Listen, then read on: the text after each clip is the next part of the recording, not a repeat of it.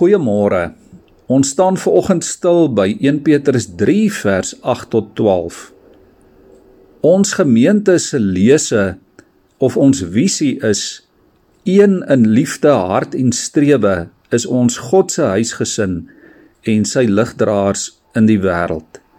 Dit was nog altyd vir my baie besonders. En natuurlik is dit afgelei van Filippense 2 vers 2 waar Paulus ook praat van ons eenheid in liefde, een van hart, een in strewe. As 'n mens dit hoor, dan hoor jy daarin ook iets van vrede.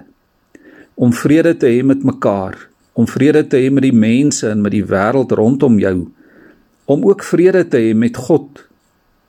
Petrus kom nou in 1 Petrus 3 vers 8 en hy sê: Wees almal eensgesind, medelydend, liefdevol, goedhartig en nederig.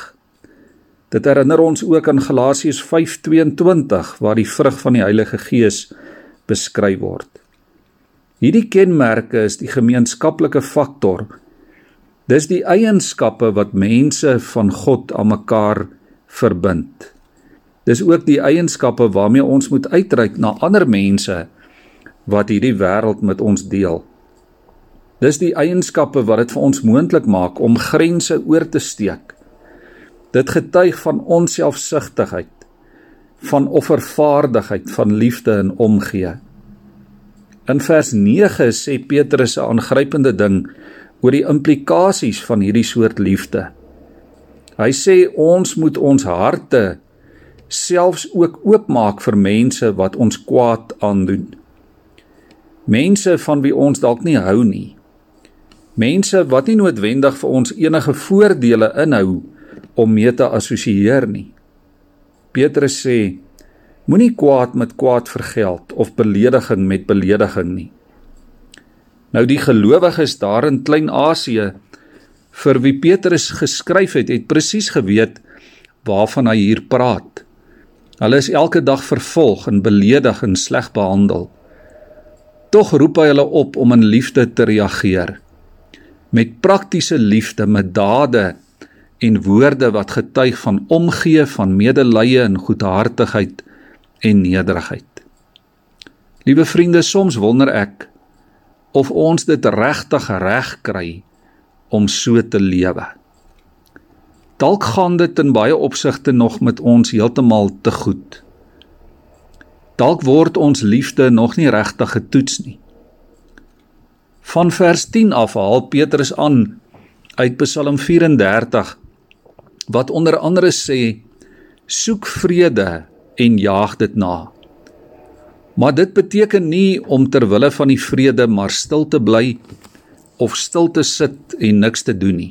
Bybelse vrede beteken dat ons juis ook begin opstaan vir 'n wêreld wat in nood is op geestelike en op praktiese vlak dat ons opreg begin uitreik na mekaar en na ander. Hoor wat sê Petrus in vers 9. Hy sê antwoord en reageer met 'n seënwens want daartoe is jy geroep sodat jy die seën van God kan verkry. Jou roeping is om 'n seën te wees vir mense in die wêreld rondom jou. Jy's geroep om 'n kanaal te wees waardeur God se liefde mense kan bereik.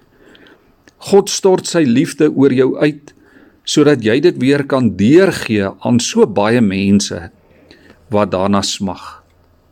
Iemand het eendag gesê: Liefde begin in 'n mens se kop.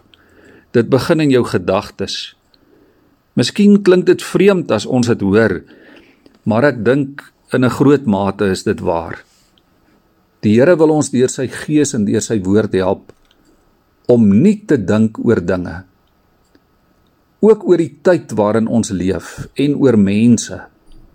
Ons gedagtes moet Christus gedagtes wees ter wille van mense en nie ten koste van mense nie.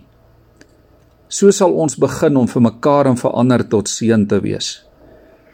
Dis 'n beginsel wat ons in die heel eerste bladsye van die Bybel ook duidelik kry wat die Here vir Abraham, ons voorvader in die geloof sê: Ek sal jou seën en jou 'n man van groot betekenis maak en jy moet tot 'n seën wees.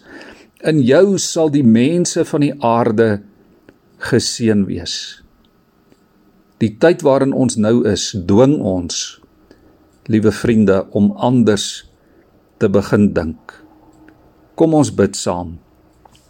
Here, die lewe kan net sin maak as U ons seën.